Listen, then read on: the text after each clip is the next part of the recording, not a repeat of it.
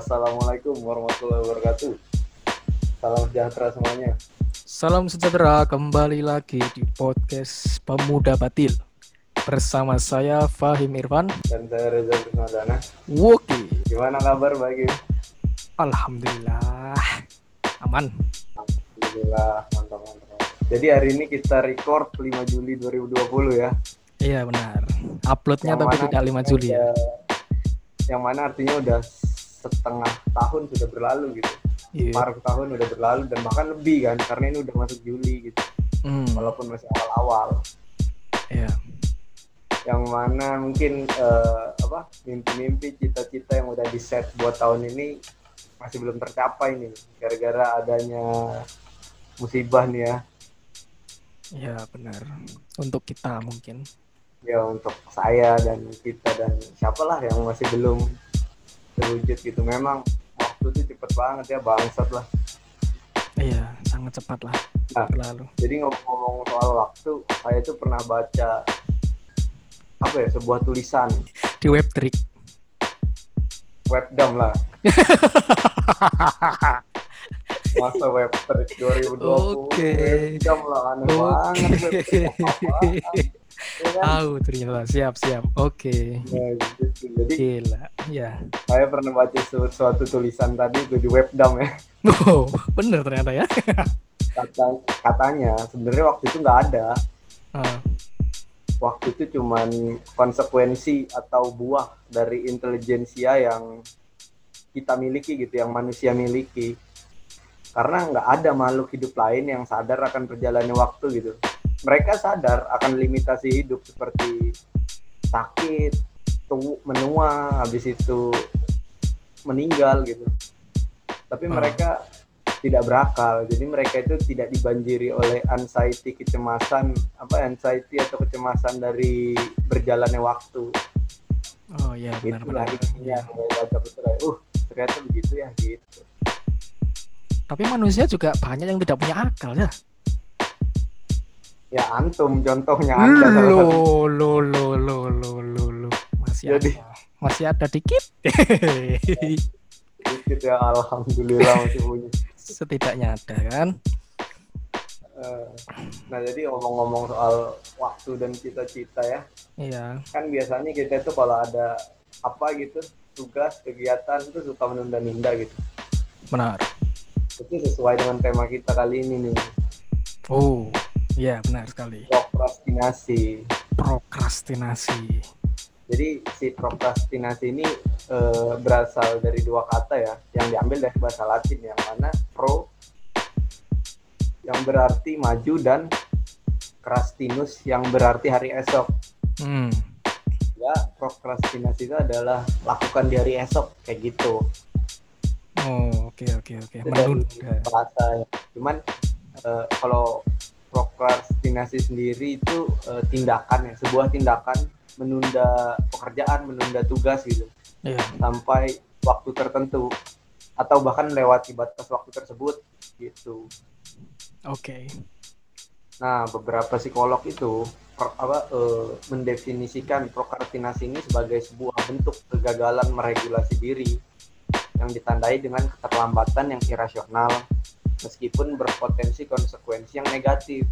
Nah, bahkan ada seorang psikolog sekaligus penulis di Amerika sana namanya beliau ini Joseph Ferrari. Beliau ini pernah bilang eh, sekitar 20% orang dewasa di Amerika Serikat itu adalah orang dengan prokrastinasi yang kronis di Amerika ya. Iya, oke. Nah, dalam kebanyakan kasus sih prokrastinasi ini bukan masalah serius. Maksudnya ini sebuah hal yang umum yang sebagian besar dari kita itu pernah mengalami gitu loh. Oh, Harinya pasti mengalami gitu. iya pastilah.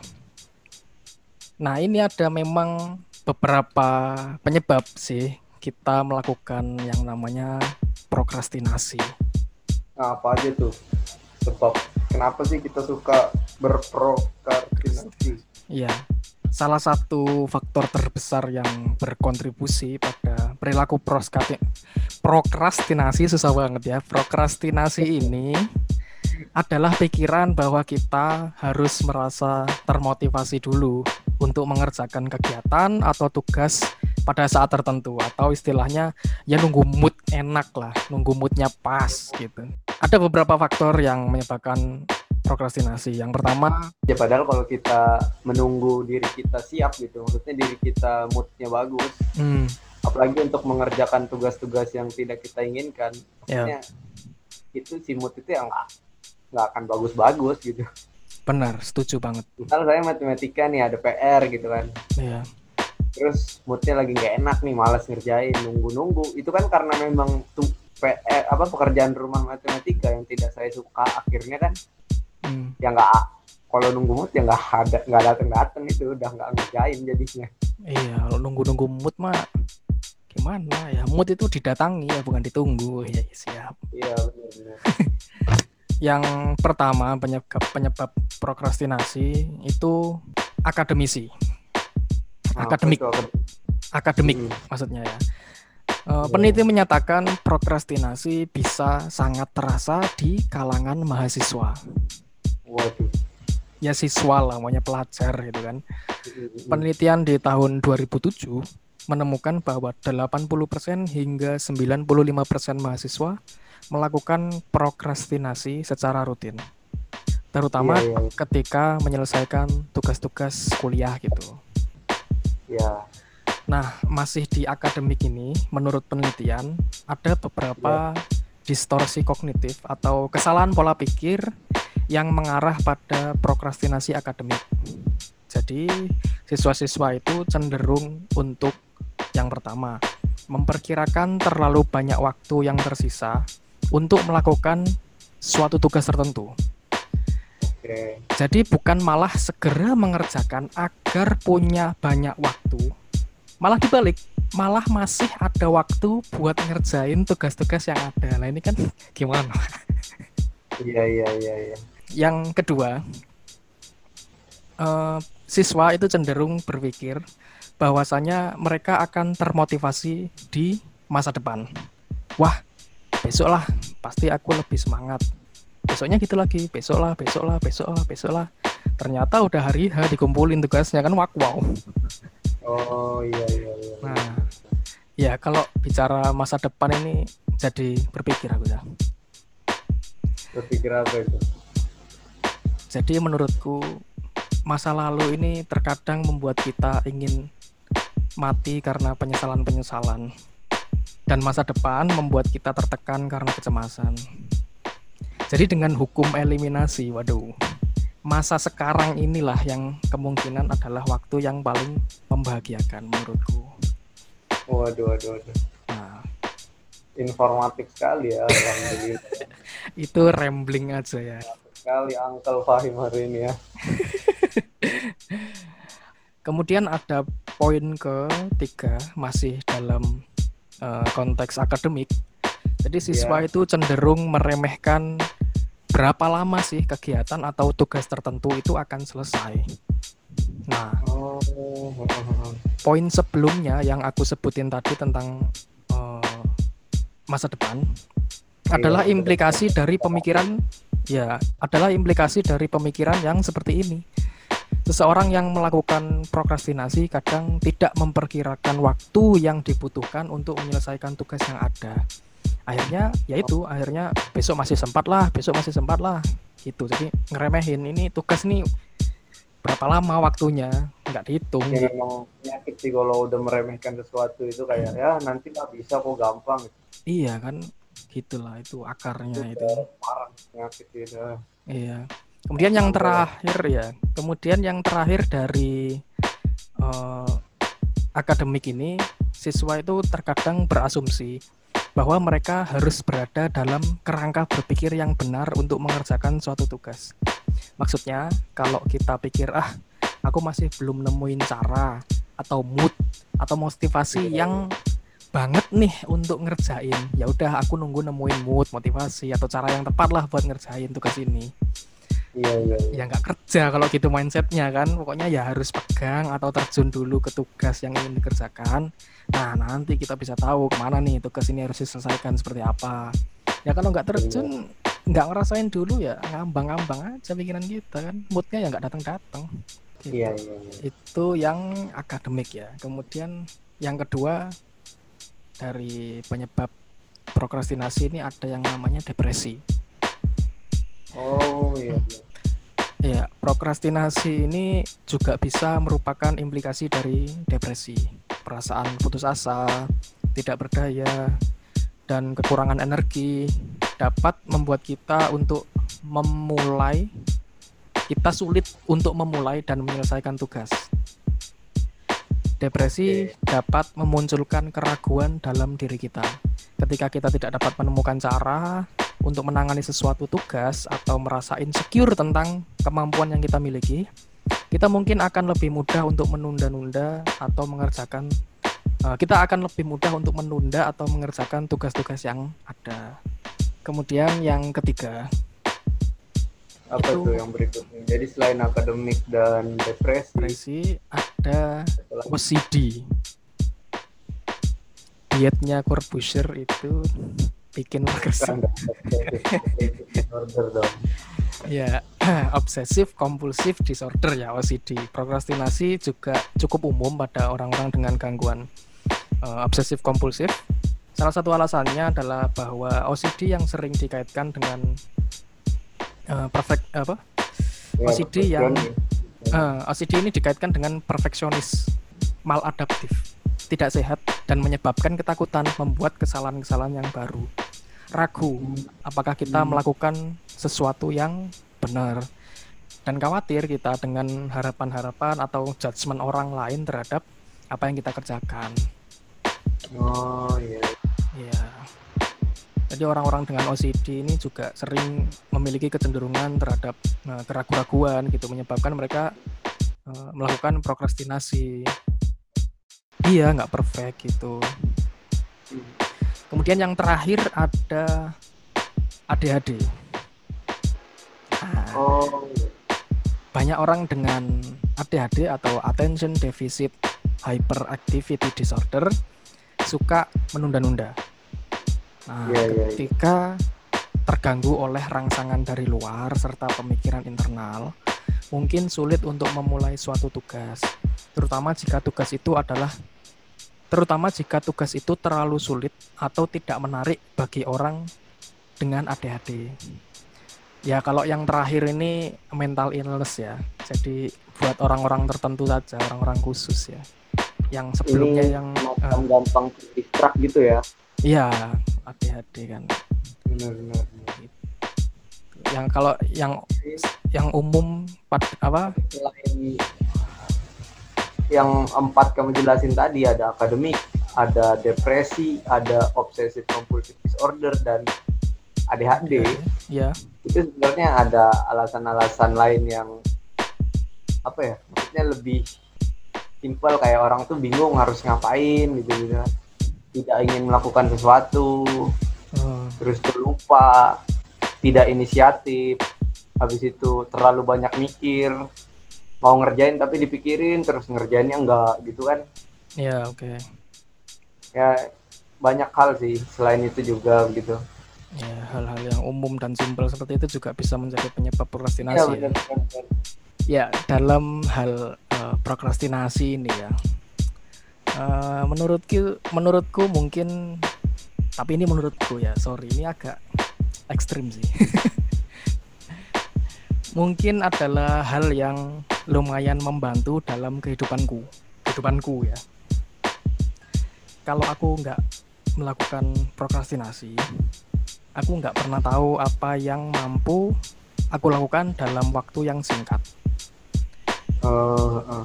Nah, jadi menurutku jangan membenci atau ngejudge orang yang melakukan prokrastinasi. Kenapa? Karena entah disadari atau tidak. Kadang ada beberapa orang eh, ketika berada di bawah tekanan itu malah bisa mengeluarkan keahlian atau suatu kemampuan dalam dirinya loh yang tidak pernah dia ketahui sebelumnya Iya, dalam iya. keadaan terdesak itu. dalam keadaan sistem kebut semalam ya Ya, itu bisa jadikan contoh. muncul ilmu-ilmu yang tidak kita ketahui gitu ya. Iya gitu. Jadi kalau selama ini sih dalam hidupku ini prokrastinasi nggak benar-benar membuat aku kayak gagal atau nggak berhasil dalam melakukan suatu tugas atau bahkan terlambat dalam melakukan tugas itu nggak nggak juga gitu. Setelah aku melakukan prokrastinasi itu. Ya in the end of the day waduh aku Iya, iya, sendiri masih bisa kok menyelesaikan tugas-tugas yang ada dan bahkan kadang sedikit lebih baik daripada orang lain terkadang. Nah, ini yang perlu digarisbawahi menurutku. Apa tuh? Menurutku salah kalau kita eh, menyalahkan prokrastinasi ketika seseorang tidak menyelesaikan tugas atau tidak menyelesaikan tugas seperti yang seharusnya eh, diselesaikan. Itu bukan salah prokrastinasinya, tapi eh, kemalasan atau capability orang seseorang untuk mengerjakan suatu tugas itulah yang harus ditingkatkan. Itu menurut opini pribadiku seperti itu. Tapi ya kalau kita nggak punya kontrol diri yang kuat, sebaiknya ya janganlah melakukan prokrastinasi gitu kan. Ya alhamdulillah Iya. selama ini kontrol diri lumayan kuat sehingga melakukan eh, meskipun melakukan prokrastinasi malah bisa jadi hal yang eh, positif gitu. Tapi kontrol diri itu sangat susah sih untuk dilakukan. Iya, iya, iya.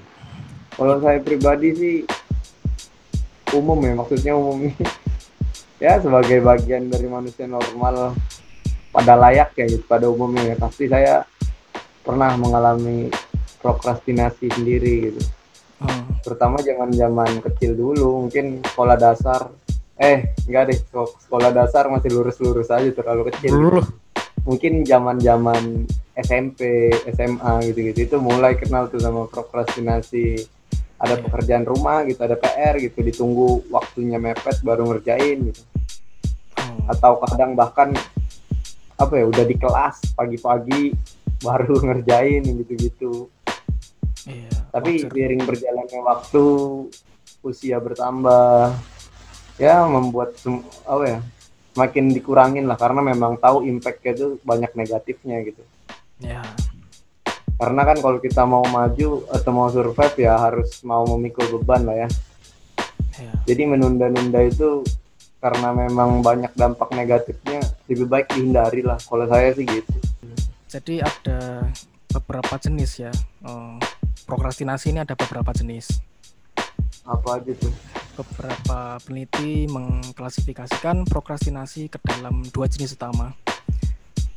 Yang pertama prokrastinasi pasif dan yang kedua adalah yang aktif. Manjai. Apa tuh bedanya yang pasif sama yang aktif? Kalau yang pasif kita diam aja, aktif kita gerak. Wow, wow, wow, wow. enggak, enggak.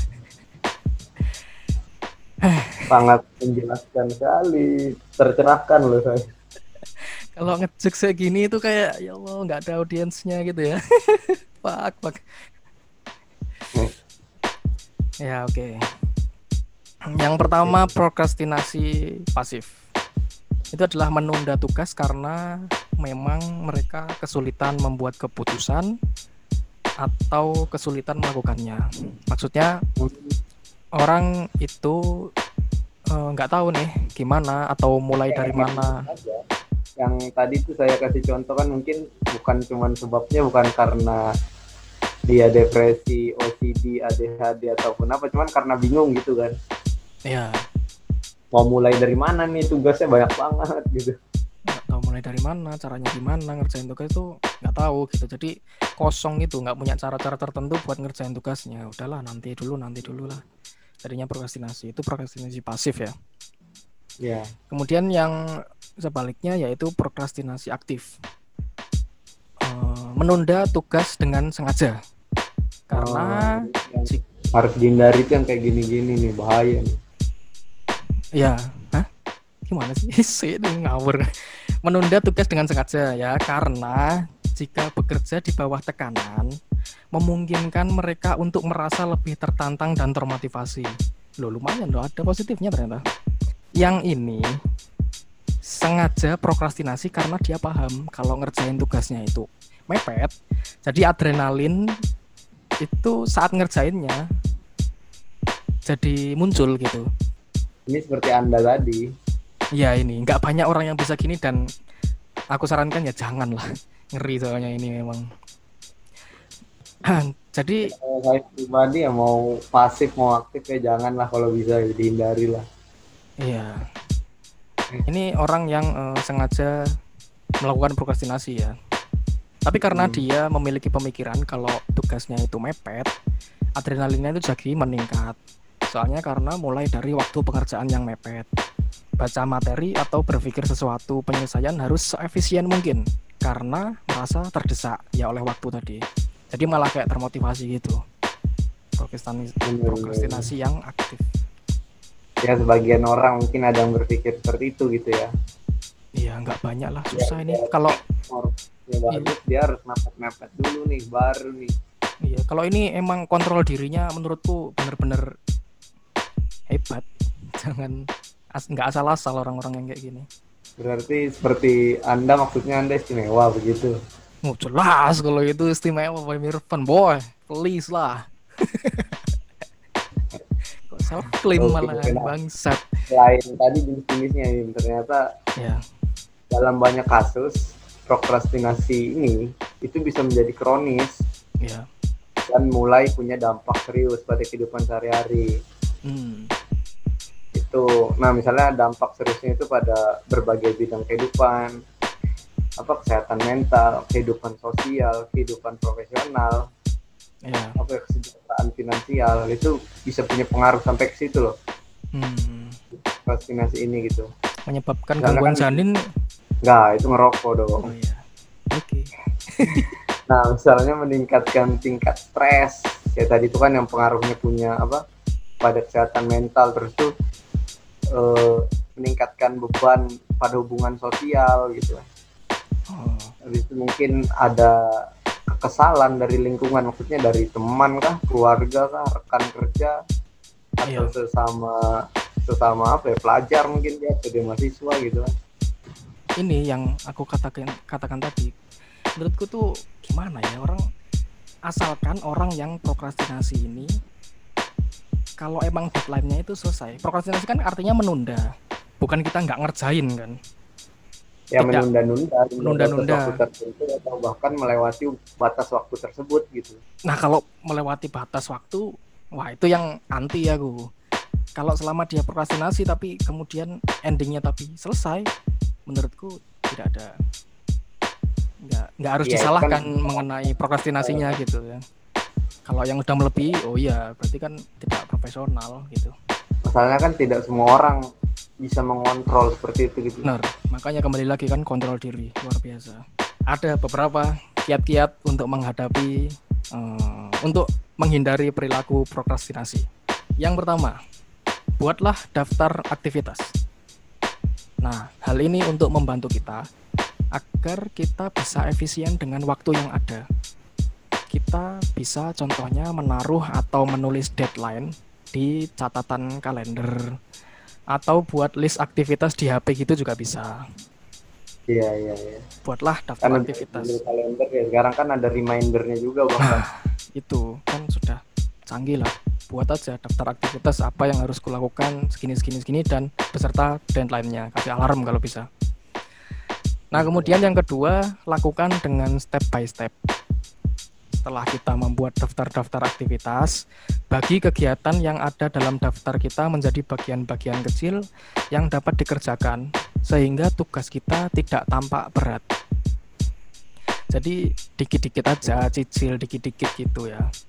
Ini iya. sangat membantu sekali sih untuk menyelesaikan sebuah tugas aku akui.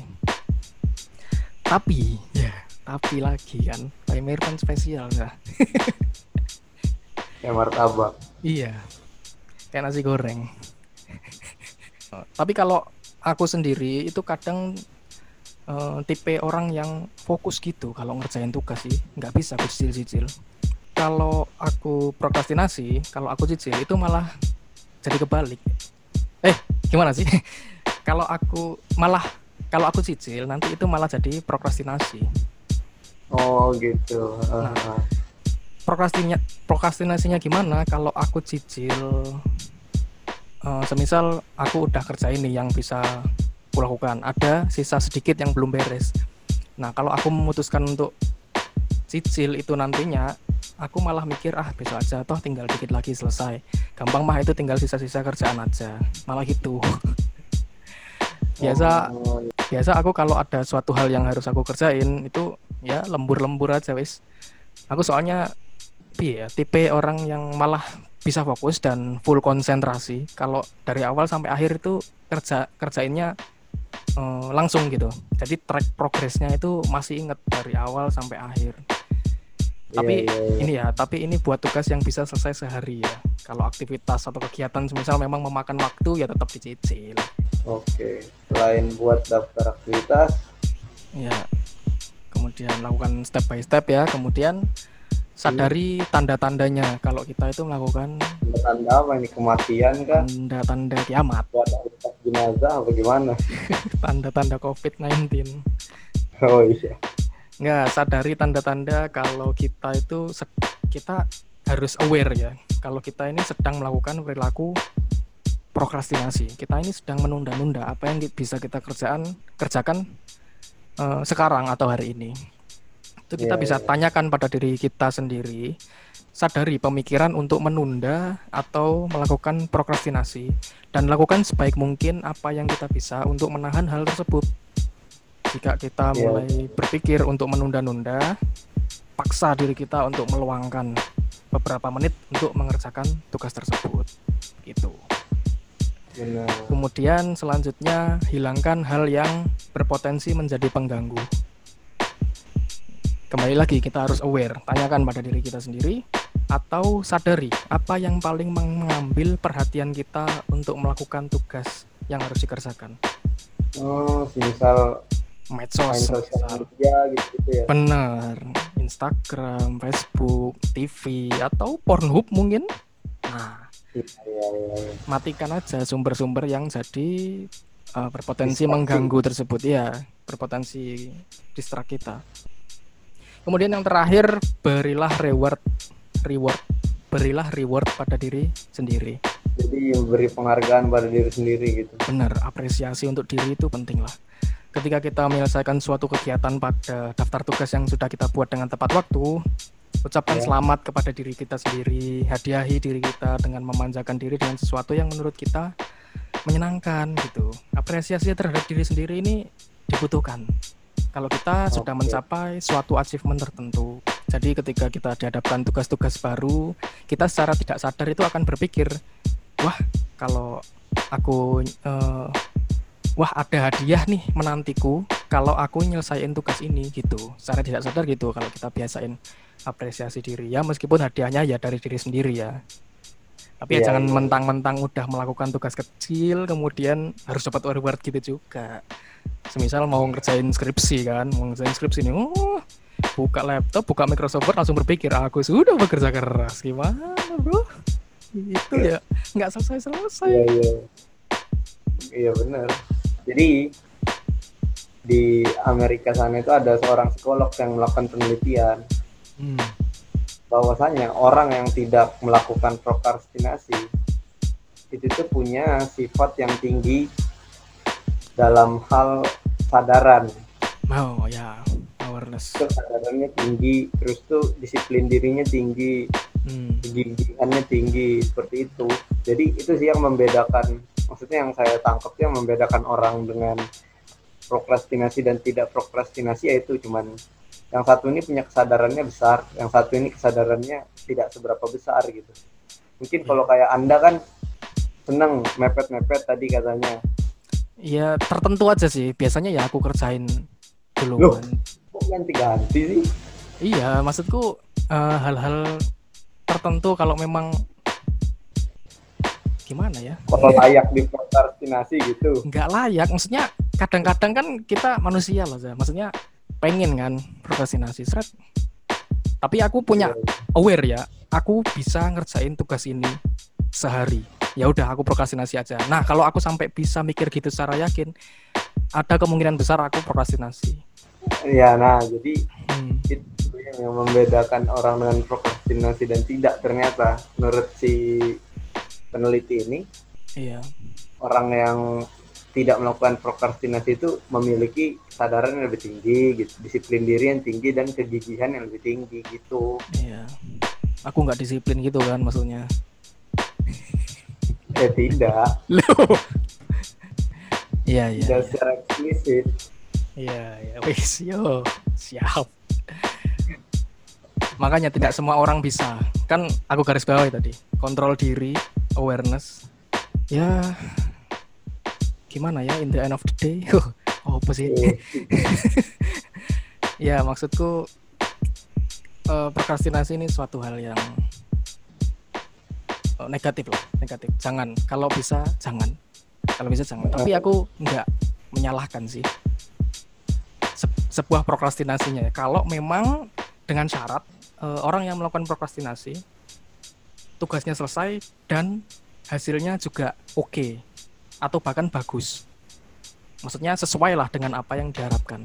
Kalau prokrastinasi kemudian ker- eh, kerjanya jadi sampah, nggak selesai, wah ini ya capability-nya dan tingkat kemalasannya yang harus disalahkan menurutku sih iya, harus iya. punya uh, awareness dan kontrol diri kalau memang uh, melakukan prokrastinasi. Tapi enggak, janganlah prokrastinasi ini banyak negatifnya. kalau saya sih nambahin apa ya pada akhirnya In the end of the janganlah apa Iya. maksudnya olahraga ke pekerjaan rumah gitu tugas-tugas sekolah atau tugas dari mana gitu kan maksudnya Hmm. teman apa kawan-kawan yang denger kan banyak juga nih anak SMA Iya.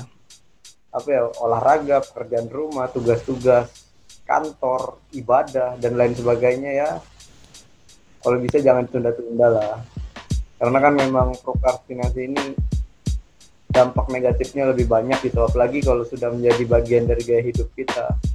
Iya, itu kan kan udah habit. Hmm. bahaya. Lebih ke waktu sih. Kan kita nggak tahu masa depan ini ada uh, suatu hal apa yang terjadi. Katakanlah kita katakanlah kita sudah mentarget nih ah ini bisa nih pekerjaan ini aku selesaikan nanti. Ternyata besoknya ada apa tugas baru yang tiba-tiba mendadak atau musibah? Nah jadi kan waktunya jadi nggak karu-karuan maksudnya jadi mepet gitu. Nah ya gitu. hati-hati ya. Janganlah kalau bisa. Bahaya ya dampak negatif ya. Ya ya hindari lah ya. Hindari. Dalam segi apa pun dalam hal apa pun gitu akhir kata pepatah gua itu pernah mengatakan katanya bang bangkut akar tulang galing. Siapa yang kentut ditembak raja maling. Empat kali empat sama dengan enam belas sempat tidak sempat harap dibalas. Terima kasih. Apa kaitannya sama prokrastinasi anjing? Eh bangsat. Kan cuma, cuma mau pantun kan? Hah? Hah? cuma mau pantun kan kon iya. Anjing ya biar nggak bosan ya wis ya udah terima kasih semuanya ya